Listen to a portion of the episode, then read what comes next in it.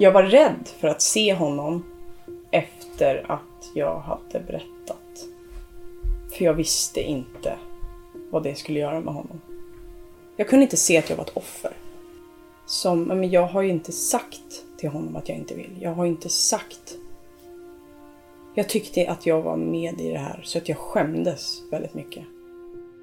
I april år 2015 väcks åtal mot Helge och det är åklagaren Josefina Jalo som ska föra talan i tingsrättsförhandlingen. Ofta finns det ju just den här äh, dubbla relationen mellan förövaren och den som är utsatt. I det här fallet en äh, uppskattad, omtalad tränare i förhållande till en elev. Och det finns ju ofta en oerhörd skam hos de här utsatta barnen. Det, det finns inget som heter samtycke när det kommer till barn. Det är alltid, alltid, alltid ett brott och det är alltid den vuxna som begår brottet. Josefina Jarlos uppgift blir att bevisa att brott begåtts mot Emma men också mot de två andra tjejerna, Jessica och Robin. Och rättegången väcker starka känslor. Han mimade att jag skulle dö. Och det var, ja, det var läskigt. Och jag minns att jag sitter, att jag vrider mig mot Emma eh, och sitter som bortvänd från honom. För jag klarar inte av att titta på honom. Alltså hela den här pondusen som jag hade sett i taekwondosalen när han ägde var som borta. Och det gjorde ju att jag kände att det är rätt åt dig. Du lyssnar på podcasten Motiv och på den femte och sista delen om taekwondo-tränaren.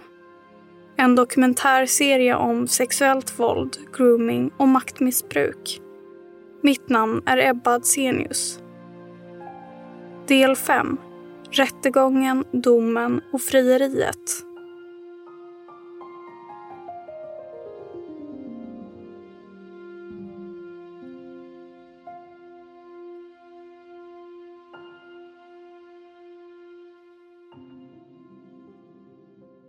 Men vi kan börja med att du får presentera dig själv och berätta vad du jobbar med. Jag heter Josefina Jalo. Jag jobbar som åklagare, tidigare på Södertörns åklagare. När åklagaren Josefina Jalo får ärendet på sitt bord är det bara en vecka kvar tills rättegången börjar. Och den planeras att pågå under fyra dagar. Åtalet var redan väckt av min kollega, så det, det fanns, ett, fanns ett åtal redan. Så jag hade ju att förhålla mig till hennes gärningsbeskrivningar och eh, gick till huvudförhandlingen då med, med det åtalet som fanns. Josefina Jalo arbetar under den här tiden med brott mot barn. När hon kopplas in som åklagare i det här ärendet gäller det att snabbt sätta sig in i den tjocka förundersökningen min första tanke när jag, när jag fick den, på den tiden hade vi fortfarande pappers, pappers eh, förundersökningsprotokoll. Det var bara den känslan att oj, att det var så mycket. Det brukar, vi, vi brukar inte alltid ha sådär jättemycket bevisning i den här sortens ärenden och kanske särskilt inte skriftlig bevisning. Men i det här ärendet så fanns det verkligen det. Som åklagaren berättar finns ett stort bevismaterial i form av bilder, filmer, meddelanden, dagboksanteckningar och vittnesförhör. Men det finns också andra omständigheter som gör att just det här ärendet sticker ut. Det, det, var, det var så konstigt på ett sätt, för på ett sätt så fanns det liksom en beskrivning av en vuxenrelation men den ena parten var ett barn. Där, där man ibland fick känslan av att den andra parten på något sätt såg det som en, som en relation. Tingsrättsförhandlingen inleds den 17 april och förhandlingarna sker bakom lyckta dörrar vilket innebär att allmänheten inte får närvara. Men utanför salen är det fullt med folk. Det var mycket media, så att jag kommer ihåg att jag nog förstod, förstod att det här faktiskt var en person som var intressant för media att skriva om. Det är ju inte alltid det i våra ärenden. Att det var väldigt intensivt. Innan rättegången inleds träffar åklagaren Emma för första gången. En då 15-årig tjej som förbereder sig inför att snart möta sin förövare, öga mot öga. Det jag minns var just eh, att det var just den där kontrasten eh, emellan att vara en trulig tonåring utanför salen som, ja, men som eh, sammanbiten förstås inför, inför eh, situationen, men verkligen liksom en, en tonårstjej. Och sen så den, den Emma man träffade sen inne i salen. Åklagaren Emma och hennes målsägande beträde sätter sig på ena sidan av den stora salen. Sen leds Helge in av vakter och den här gången har han inte samma utstrålning som i träningslokalen. Det var så surrealistiskt. Han kändes jätteynklig. Vi hör Emma. Han hade gått ner jättemycket i vikt. Han var jättesmal. Jag minns att han blängde på mig och liksom ville verkligen markera att han är arg på mig. Och att han drog sig över halsen, att han skulle liksom döda mig. Med Helge väl i salen kan rättegången börja och åklagaren går igenom det som står i stämningsansökan. Där står att Helge mellan mars 2013 och juli 2014 vid flera tillfällen genomfört samlag och sexuella handlingar som med hänsyn till kränkningens allvar varit jämförliga med samlag. Emma har under tiden för brotten varit 13 respektive 14 år gammal. Helga har även mellan juli 2014 och januari 2015, då Emma fyllt 15 år, vid flera tillfällen förmått henne att företa och tåla sexuella handlingar genom att allvarligt missbruka att hon befunnit sig i en beroendeställning till honom. Efter att åklagaren gått igenom åtalspunkterna som rör Emma inleds förhör med henne. Eh, och de frågar ju om övergreppen.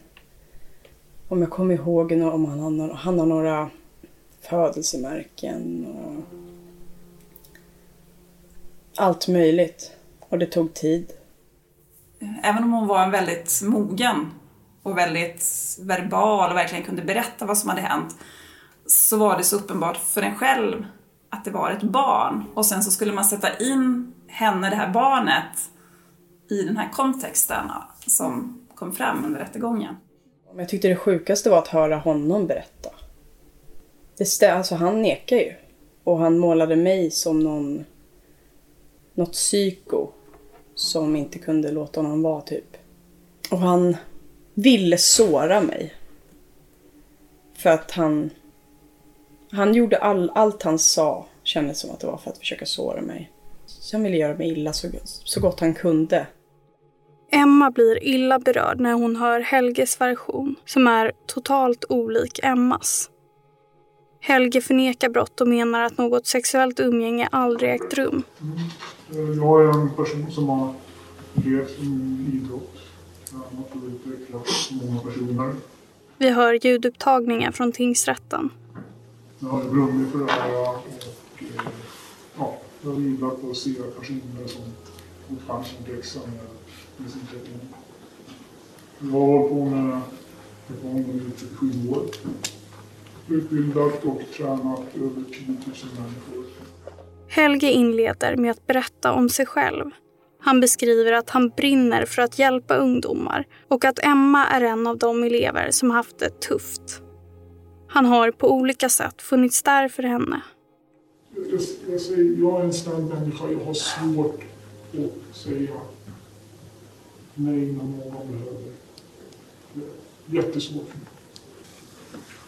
Jag gick ju fredags igenom en hel del skriftlig bevisning och jag ska inte gå igenom alltihopa igen men jag tänker ändå att du ska få möjligheten att svara på, på det här också. När åklagaren ställer frågor om meddelanden som skickats mellan Helge och Emma medger Helge att de haft viss kontakt över sms och sociala medier.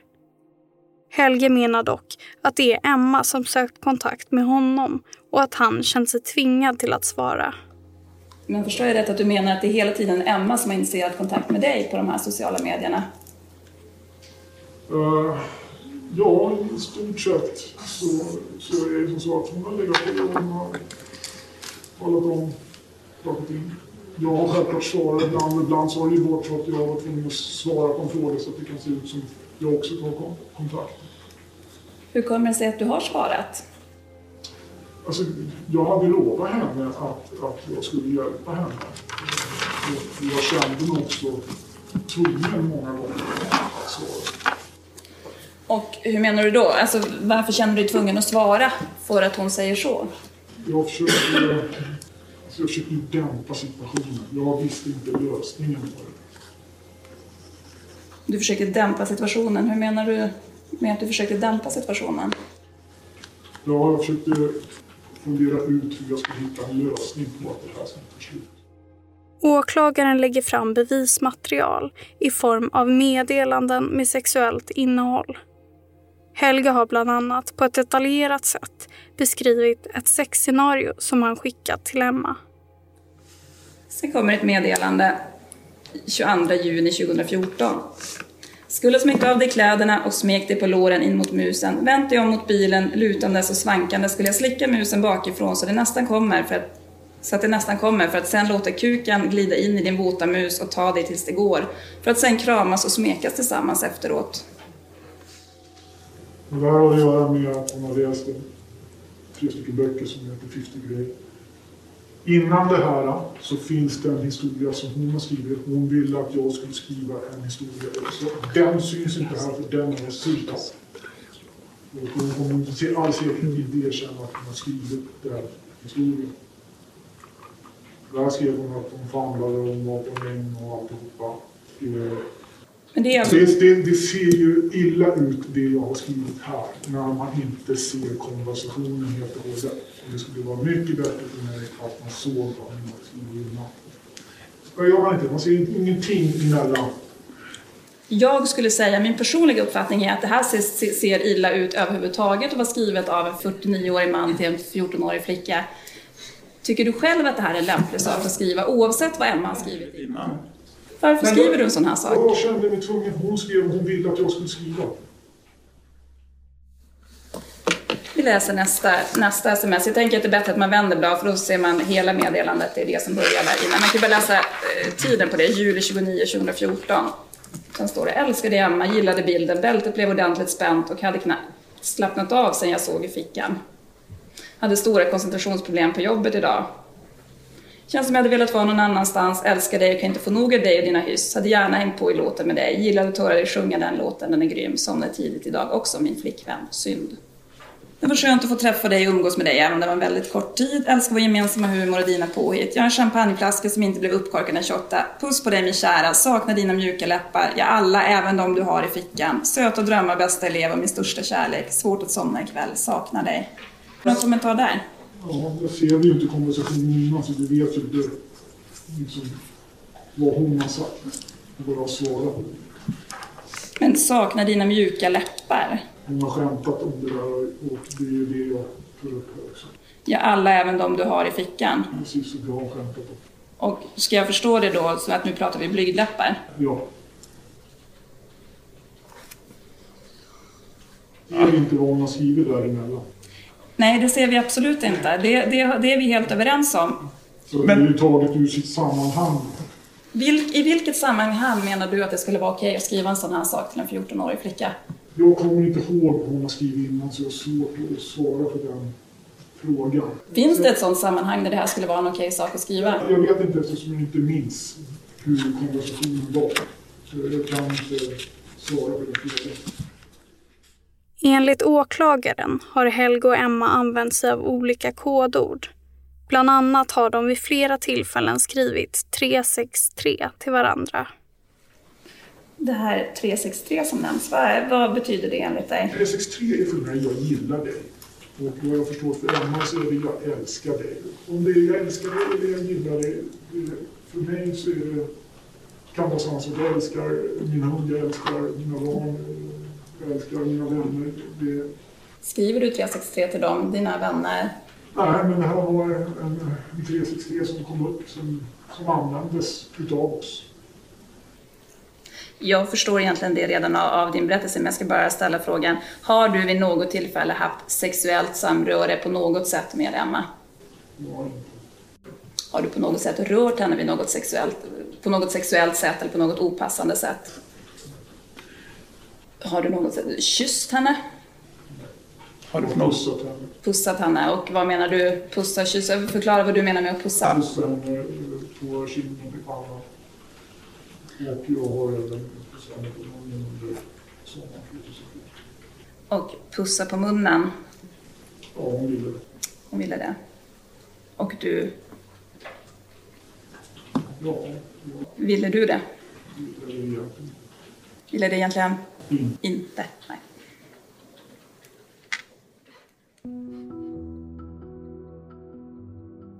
Han hade ju en förklaring till allt det som hade hänt men han erkände ju inte några, eh, några av de gärningar som jag la honom till last. Han- erkände ju inte brott.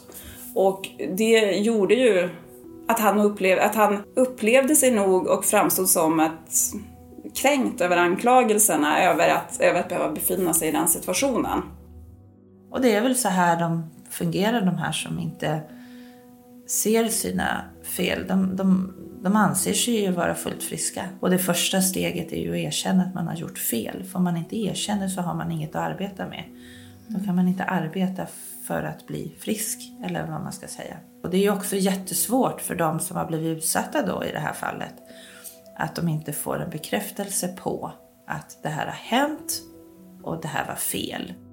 Vi hör Magdalena som själv tränade och instruerade barn på taekwondoklubben. Under rättegången blev hon inkallad som vittne. Det var avsatt väldigt kort tid för mig, om jag minns rätt. Men att jag tredubblade väl den tiden ungefär. Ehm, jag har ju varit involverad jättemycket. Ehm, jag känner honom väl. Jag känner alla de här barnen väldigt, väldigt väl. Alla har ju tränat för mig i princip ehm, i många år. Och jag såg en, en, en Helge som satt där gråhårig och såg sliten ut. Ja, det var ju inte så att våra blickar möttes eller han på något sätt eh, ja, godkände att jag var där eller förstår du, ingenting sånt. Utan i det, den fasen då så, så nekade han ju fortfarande till allt. Och sen så få se han i liksom, rättssalen är ganska... Ja, det var, det var jobbigt liksom. Även Oliver, Magdalenas son, som länge tränade hos Helge, blev tillkallad som vittne. Och sen så mitt vittnesmål var ju inte så jobbigt vittnesmål. Jag hade ju inte riktigt något, jag hade ju ingenting att berätta så. Jag bara vittnade om vad de var för personer. Men jag kan tänka mig att det var, för andra som hade mer att berätta så måste det varit superjobbigt att just sitta i samma sal då. Vi, vi var inte med under själva förhandlingarna. För det fick vi inte. Men där, däremot så var vi ju inkallade som eh, vittnen. Och hur, eh, vad har du för minnesbilder av det? Då sitter du i samma sal som Helge eh, och din dotter. ja. Hur eh, kändes det? Surrealistiskt. Men jag, jag såg också ett tillfälle där jag blev tillsagd av domaren. Men jag fick ett tillfälle att verkligen sätta ord på vad jag tänkte och tyckte. Fast det uppskattades inte. Men jag fick i varje fall sätta ord på det. Att jag trodde att vi var vänner. Men vilken falsk person och vilka fruktansvärda övergrepp som man har gjort på både på min dotter och på oss alla andra. Och sen använder jag nog några ord också som är onödiga kanske i det här sammanhanget att föra fram. Men det var då jag blev tillsagd. För jag, jag var verkligen arg.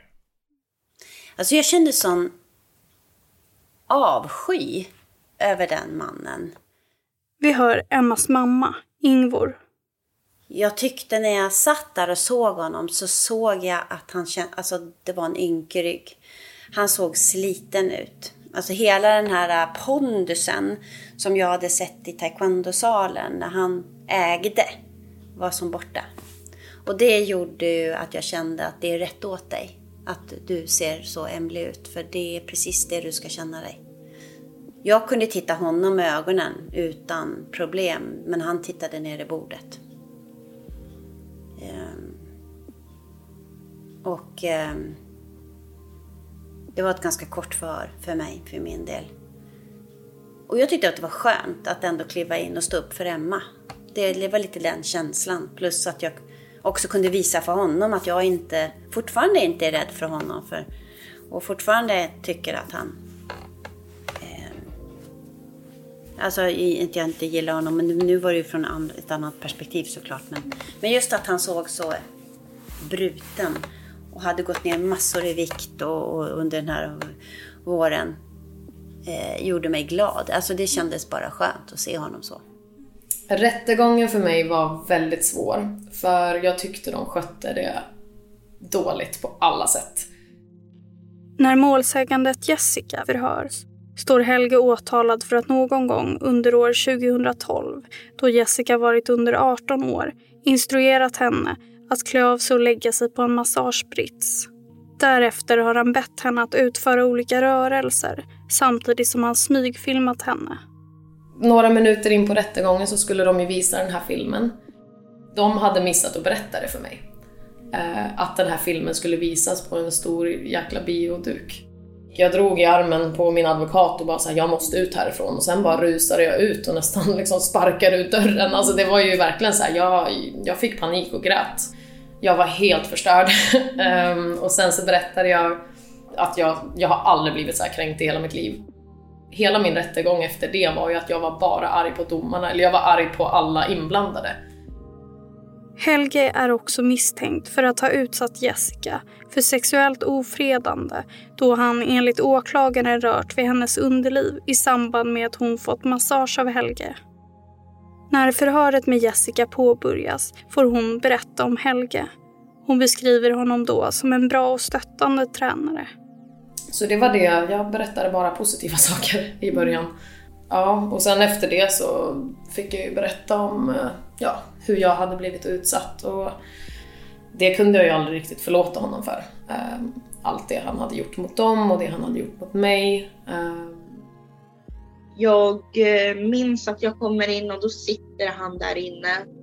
Det tredje målsägandet Robin kallas också in på förhör och även hos henne väcker rättegången starka känslor. Uh, min advokat hade ju yrkat på att han inte skulle vara där inne. För att jag ville inte se honom. Uh, men han satt där, jag kommer in. Jag fick panik. Jag började alltså, gråta, jag satt bara och hulka, jag fick kvällningar. Allting på samma gång. Så att det, det var smärtsamt att komma in och se honom.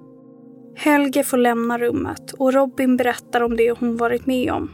Helge står åtalad för att under 2008 förlett Robin, som då var 13 år, till att medverka i sexuell posering genom att träna henne i höga sparkar. I samband med det har Helge smygfotat in i Robins byxben och bearbetat bilderna i sin dator. Att vara 13 år och liksom bli utsatt för sexuell posering utan att man vet om det, det är inte kul. Helge står också åtalad för att ha uppmanat Robin att klä av sig till underkläder och därefter masserat hennes rumpa. Vid ett annat tillfälle har Helge hållit fast Robin och kysst henne längs halsen. Hans sida sa inte jättemycket. Vissa kompletterande frågor men där fick de svar på tal och, och de typ satt och skakade på huvudet som att oj. Det Robin och Jessica berättar i sina förhör styrker Emmas berättelse. Helga har i alla tre fall haft ett liknande tillvägagångssätt och testat gränser. Under rättegången kallar åklagaren in Linda som vittne och det hon beskriver är skrämmande likt Emmas erfarenheter. Det gick inte att väcka åtal för längre för det var preskriberat, det var saker som hade hänt långt tillbaka i tiden. Det hör åklagaren, Josefina Jarlo. Men hon kom dit och berättade om övergrepp som hon själv hade varit utsatt för just för att hjälpa Emma och de andra tjejerna. Och det var, det var ganska starkt. Och när jag kommer dit så sitter jag som utanför salen och egentligen försöker bara minska stressen och försöka liksom ställa mig in på att nu ska jag göra det här. Vi hör Linda. Dagen då hon ska vittna är hon på tingsrätten i god tid. Hon sätter sig utanför förhandlingssalen och enligt schemat för huvudförhandlingen är det paus för lunch. Linda tänker därför att förhandlingssalen är tom. Men rätt vad det är öppnas dörren och ut kommer Helge som ska transporteras till häktet. Och egentligen från att dörren öppnas och han ser mig så stirrar han på mig hela vägen till hissen. Medan han väntar på hissen och medan han väntar på att liksom, dörren ska stängas för att det var en sån automatisk ja, men, dörröppnare. Mm. Eh, och den eh, höll dörren öppen väldigt länge. Så det var nästan man trodde att man hade råkat ställa upp dörren så att den inte skulle stängas. Så man började nästan dra i den. Men den tiden tills dörren stängdes och hissen åkte iväg, den var evighetslång. Jag bara försöker hålla mig från att bryta ihop. Jag stirrar tillbaka. Men så fort liksom han har hissen har åkt ner och jag inte längre ser honom så bryter jag ihop totalt.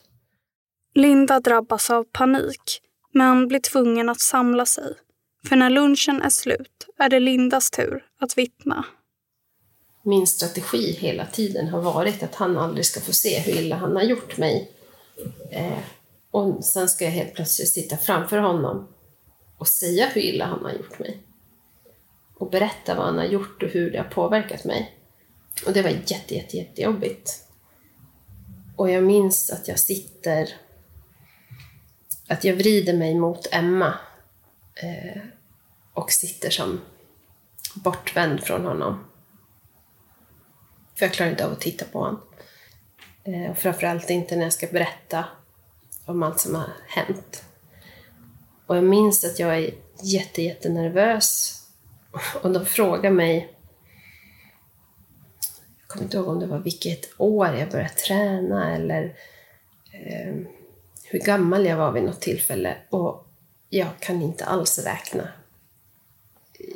Jag minns att liksom så här, jag började och kan inte förstå att var det 98 liksom, eller någonting.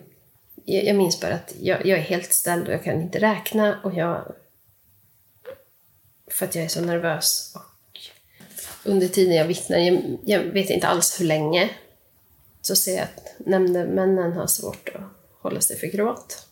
Men liksom mitt vittnesmål var ju som att slå eh, spiken i kistan. Den jobbigaste tanken med det var ju, ja vi har en. Men, men det här är en person som har tränat och varit verksam bland barn och ungdomar väldigt länge. Och när en person kliver fram nu alla de här andra åren då. Man, man fick ju verkligen den, den känslan av att, eh, att det var mycket vi inte såg. När rättegången börjar gå mot sitt slut håller åklagaren Josefina Jarl sin slutplädering. Med tanke på den ställning som haft gentemot Emma och Emmas låga ålder och hur det här har pågått även innan Emmas 15-årsdag så att jag menar att det sammanlagda straffvärdet för de åtalade gärningarna ligger på uppemot fem års fängelse. Mitt yrkande idag blir därför att påföljden bestäms till fängelse i fem år. Jag menar också att kvar blir häkte. Det finns dock inte längre någon risk för att han förstör utredningen eller försvårar utredningen. Och jag begär därför inte längre tillstånd att meddela honom restriktioner. Med det överlämnar jag målet. Mm. Tack så mycket.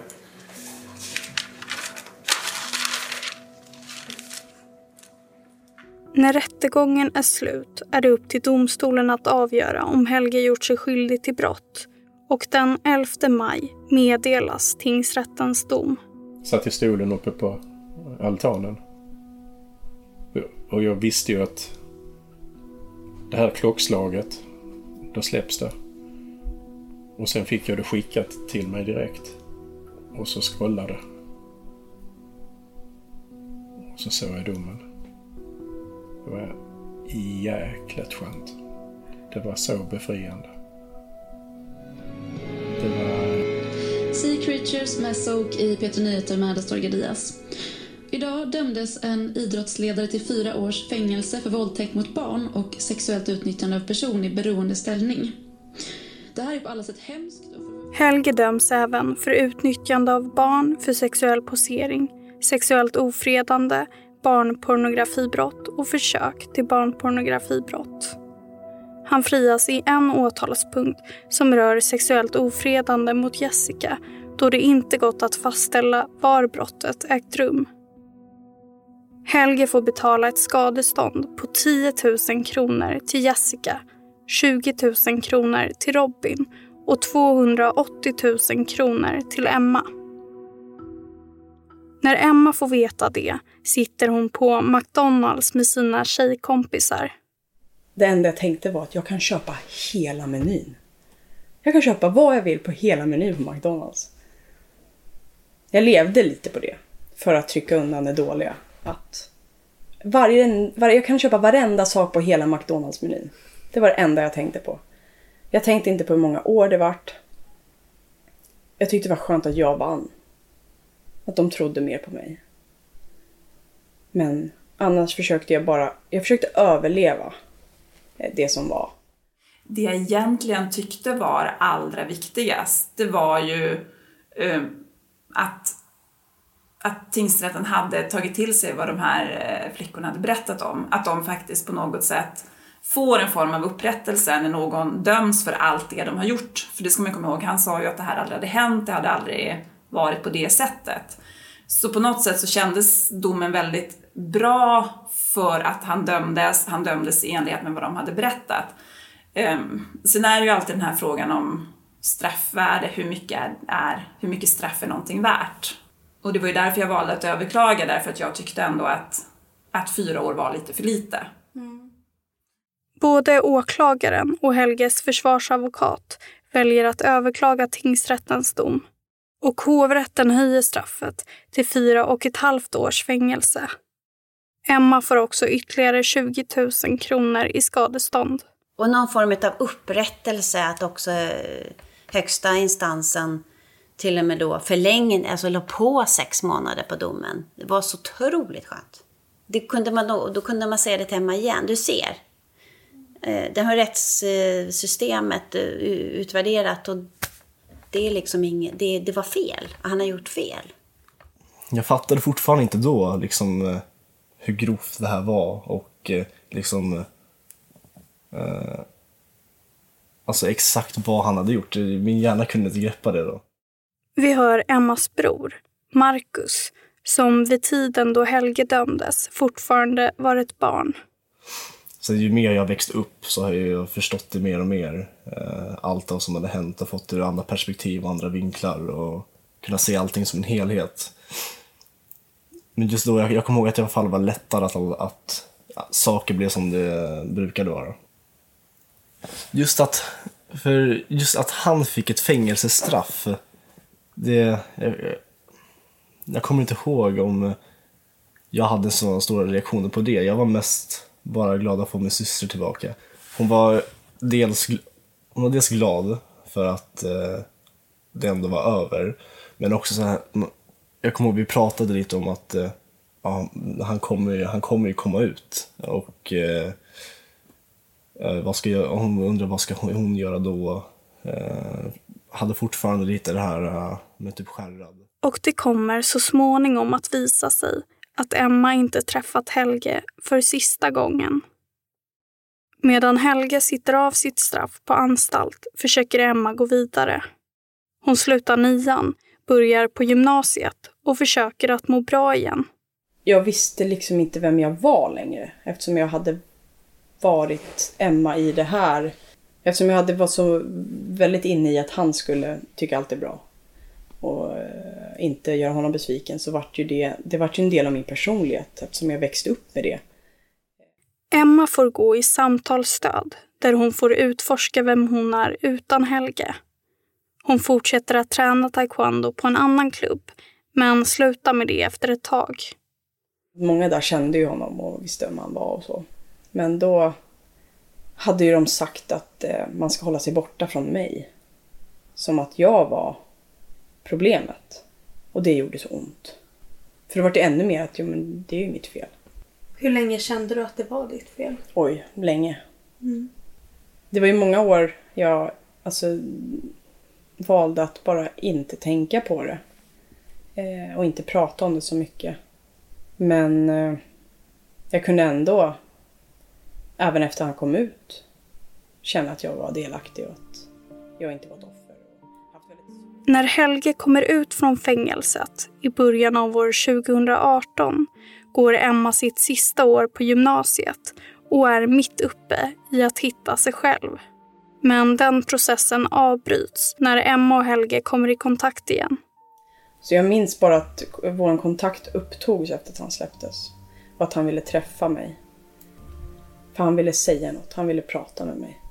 Jag kunde inte riktigt släppa honom på något sätt heller. Det är som eh, man söker sig till något man är bekväm med, även fast det är dåligt för en. Även fast det var det värsta jag någonsin har varit med om så var det det jag kunde. Emma går med på att träffas och hoppas på att få ett avslut eller kanske till och med en ursäkt. Men mötet leder till något helt annat. På en parkbänk mitt bland folk frågar Helge om Emma vill gifta sig med honom. Han, jag, jag tyckte han var helt dum i huvudet. Om jag får säga så. Och jag var väldigt tydlig med att det kommer jag aldrig vara. Att jag vill aldrig komma tillbaka. Jag vill inte ha honom tillbaka. En tid efter att Helge friat träffar Emma en kille. Hon försöker då avsluta kontakten med Helge helt och hållet. Men det är allt annat än enkelt. För han hade ett stort behov av att prata. Väldigt stort behov. Och jag hade svårt att säga nej till honom. Och då tränade vi ju på samma gym och han förföljde mig med bilen och det var väldigt... Han kunde ringa mig och liksom vilja berätta om hur hemskt han haft det i fängelset och att det är mitt fel. Och att ingen har besökt honom och att han har tappat alla hans vänner. Han ville komma in under mitt skinn och få mig att tycka synd om honom så att jag skulle ta tillbaka det jag sagt. Liksom. Så man kunde ta vidare så att han kunde bli fri ifrån sin dom. Helge kämpar ihärdigt med att fortsätta kontakta Emma. Och när Emma slutar svara går det så långt att Helge hotar med att ta sitt liv. Vi hör Emma högläsa ur ett av meddelandena hon fått från Helge. Varför kämpa och ta den jobbiga vägen istället för att ge upp? Känslan bara konsumerar mig och min vilja avtar. För vem gör det här och vem kommer eller mår dåligt? Jag vill bara ge upp. Känslan sköljer över mig. Kan lika gärna bli en uteliggare, för vem bryr sig egentligen om mig? Kan vara en enklare väg att gå och istället bara försvinna in i dimman och inte känna eller bry sig om något. Jag vill bara ut. Vem ser mig? Ingen. Vem är jag? Och, eller vem vill jag vara? Och vad tror jag på? Inget. Tänk om det fanns någon där. Tankar är jobbiga när de kontrollerar en och konsumerar ens livsvilja. Tårarna rinner ner från kinden. Jag vill bara... Punkt, punkt, punkt, punkt. Jag vill vara stark, stark som jag bara kan. Men det är svårt när man måste släppa och dra sig fram för att komma någon vart. Man möter mer motstånd än vilja till att hjälpa. Det är så många som njuter av andras olycka. Jag vet inte hur jag ska klara det här fast jag egentligen vet. Men viljan till att göra det rätt försvinner emellanåt och det är tungt att hitta tillbaka. Framförallt när man själv måste övertyga sig om att leva vidare. Det är jobbigt att behöva tänka så och jobbigt att kämpa i uppförsbacke när man har svårt att se krönet. Med risken att man aldrig når dit. Vem kommer att sakna mig? Mina tankar 2018 0712. Hoppas att ingen läser det här för det känns så jobbigt med de här tankarna. För det är inte egentligen jag. Jag vill bara vara en... Punkt, punkt, punkt. Vill bara känna att jag också är viktig och har en plats. Jag vill också bli älskad. Ses i Nagiala i vilket fall som helst. Undrar vart jag kan hitta någon som förstår mig eller bryr sig. Nu har all kraft tagit slut och jag behöver vila. Jag kryper in i mitt skal, känns säkrast så. Till slut avtar Helges kontaktförsök och Emma får då möjlighet att fortsätta bearbeta det som hänt. Emma tar kontakt med oss och vill berätta sin historia. Hon hoppas på att den kan hjälpa andra. Och när jag träffar Emma i början av året har Helge inte hört av sig på några månader. Men så till sommaren, mitt under arbetet med den här dokumentärserien, ringer det plötsligt på min telefon. Det är Emma som berättar att hon precis sprungit på Helge utanför sitt gym. Hon låter skakig på rösten och berättar att hon spelat in samtalet. Jag förstår inte. Vad vill, vad vill, vad vill du? Jag undrar om du känner någon ånger över det som har hänt. Tack vare det som har hänt så vet inte jag om jag kan lita på dig i min närhet. Men du har inte hjälpt till dig och sett till att jag kan. Jag har förlorat och jag har förlorat allt. Jag förlorar fortfarande massvis. På vilket sätt? Jag kan inte vara offentlig. Eh, Jag tappar kontrakt. Jag läser om det och tror på alltihopa. Fast det är länge sedan. Flera hundra miljoner. Jag tycker inte jag har förtjänat det. Nej, sen vill jag ju liksom veta vad, vad kommer hända. Om det händer någonting. Hända? Kommer jag be om förlåtelse för det som har hänt som inte är sant. Jag vet inte. Köra min taekwondo på ålderdomen. Jag måste gå. Men eh, har du någonting att säga? Eller? Jag vet inte vad jag ska säga. Helge påminner Emma om att han har förlorat allt och menar att det som Emma påstår har hänt inte är sant. Han vill ha ett avslut och verkar förvänta sig att Emma ska be honom om ursäkt. Men den här gången får han ingen ursäkt. Sen det här samtalet har Helge inte hört av sig eller på annat sätt tagit kontakt med Emma. Helge är informerad om att vi gör den här dokumentärserien men har inte sökt kontakt. Den 1 juli 2018 trädde samtyckeslagen i kraft. Det krävs alltså inte längre våld, hot eller att offret befunnit sig i en särskilt utsatt situation för att en person ska kunna dömas för våldtäkt. Om man inte deltar frivilligt så är det en våldtäkt. Så, så stod det ju inte innan, även om det på sätt och vis kanske var underförstått. Så det är, det är väl framförallt det som har hänt, men jag skulle nog säga att det i första hand gäller sexualbrott mot vuxna, eller i alla fall mot äldre. I augusti 2022 skärptes straffen för flera sexualbrott. Bland annat har straffet för våldtäkt höjts från fängelse i lägst två år till lägst tre år. Ändringarna har också inneburit flera straffskärpningar av lagstiftningen om sexualbrott mot barn. Har du några tankar kring vad som behöver göras för att såna här saker inte ens ska ske? Jag tror att det allra viktigaste är att vi pratar om det. Att vi pratar om det med barnen och att vi pratar om det med varandra. Att vi lär våra barn att, att det här är någonting man kan prata om. Att om det är någon som gör någonting mot, mot dig så är det faktiskt någonting du kan prata om. Och att det, tror jag, det, det samtalet kan vi inte ta med ett barn när det är 14 år och 9 månader. Det är någonting som vi måste som vi alla från samhällets sida kommunicerar och förklarar att det här är någonting som vi faktiskt kan prata om. Mm. Och det är någonting som, som är viktigt att vi pratar om och att vi vuxna också, att vi pratar om vad vi ser, att vi reagerar över det vi ser. Det värsta som kan hända oss är att vi hamnar i en pinsam situation där allting var okej. Det värsta som kan hända barnet är att det fortsätter att utsättas för övergrepp. Under 2021 anmäldes totalt 27 639 sexualbrott. Av anmälningarna som kom in gällde 9 962 våldtäkt inklusive oaktsam våldtäkt. 40 procent av de anmälda våldtäktsbrotten gällde våldtäkt mot barn. Samma år fattades 2071 lagföringsbeslut gällande sexualbrott. Jämfört med 2012 har antalet lagföringsbeslut för sexualbrott totalt sett ökat med 70 procent. Om du som lyssnar är utsatt för våld eller misstänker att någon närstående är det kan du kontakta Brottsofferjourens nationella telefoncentral. Du kan vara anonym, stödet är kostnadsfritt och ingen polisanmälan krävs.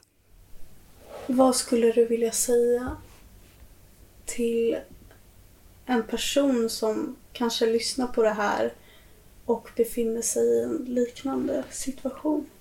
Oj. Att det är viktigt att stå upp för sig själv. Jag hade ju behövt höra att eh, det han, alltså han, har, han har gjort ett val. Och att inte ta ansvar för det. Det är inte ditt fel. För det är det jobbigaste jag gjort i mitt liv, att berätta och ta, försöka ta mig ur. Men det är också det bästa jag gjort. Att hur jobbigt det än är så är den rätta och bästa vägen att prata om det. För inga konsekvenser är värre än att vara kvar i det.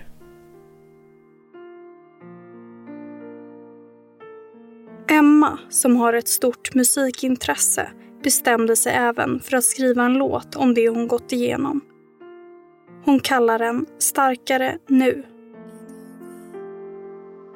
Tre fucking år, ingen visste vad som sades när du pressade mig med lögner och sa allting som lät bra. Jag hade det inte lätt, men det visste också du. Du såg din enda chans att utnyttja som ett djur. 12 fucking år, det var ju vad jag var. Min tillit, min glädje, min ungdom fick du ta. Du sa du var min vän men vände andra dagen med hot och slag. Hur kunde jag bli kvar? Då kom den andra sidan och berätta hur det var. För om jag berättar allting nu så finns det ingen morgondag. Fick torka många tårar, kväva många skrik. För varje gång du tog mig förstörde du en bit. En bit som var jag, att allt är bra. Min glada syn på livet, du tog allt jag var. Men jag tänkte inte låta dig förstöra hela mig. Tänkte att jag en dag dag kommer vinna över dig. Att livet rullar vidare om bara en minut. Att mina drömmar om att lyckas inte alltid får ett slut. Denna mardröm har jagat mig i tre fucking år. Nu står jag här och tänker inte fälla någon tår. För livet har gått vidare och ingen är som mig. Vem har egentligen förlorat? Jag menar titta på dig. Jag fick lära mig att aldrig någonsin ta någon skit. För det är tack vare dig som jag tagit mig hit. Tiden som har varit, den har aldrig varit lätt. Kunde inte släppa taget fast jag visste det var rätt. Dina försök att komma tillbaka, dina försök höll mig kvar. Att slita loss mig, våga leva, det tog allt jag var. Men ser dig inte längre när jag tittar i spegeln. Hör dig inte längre där du skuggar mina ord. För det enda som egentligen barnet Emma ville var att ha någon där som kunde säga att de förstod. Någonstans inuti var jag glad att det var jag? För något gav mig styrka att se ljuset varje dag. Så jag hoppas att ni lyssnar nu på det jag har att säga. Lyssna nu för att jag menar varje ord. Jag var fast, jag var ensam, jag var brusten inuti. Och det kunde varit så, ja, resten av mitt liv. Så om du någonsin, jag kanske känner dig ensam. Måste du förstå att inte livet tagit slut? För jag har varit på botten, men kom tillbaka min vän. Lova mig själv, det får inte hända igen. För livet kan bli tungt med alla minnen som finns kvar Försöker glömma dina ord. Men det är drömmarna du har. Försöker intala mig själv att jag nu äntligen mår bra. Men det är den som känns och blir mer synliga var dag. Jag tänker på barnet som inte hade någon vän. Kastades ut på öppna havet och famlar nog där än. Jag vill tacka alla idioter som ju visste vad det var. Det måste nog vara mitt fel. Det var ju det ni sa. Håll er borta från henne så nu ska allting bli bra. Men vad visste jag? Jag var ju bara ett barn. Så allt jag ville säga om du ser på mig idag Är att livet rullar framåt och jag mår riktigt jävla bra De ärren du har bildat kommer alltid finnas kvar. Men här är jag, idag. Du har lyssnat på podcasten Motiv om taekwondo-tränaren. Mitt namn är Ebba Adsenius. Producent Nils Bergman. Ansvarig utgivare Jonas Häger. Ett stort tack till Emma och alla som medverkat. Och tack för att ni har lyssnat.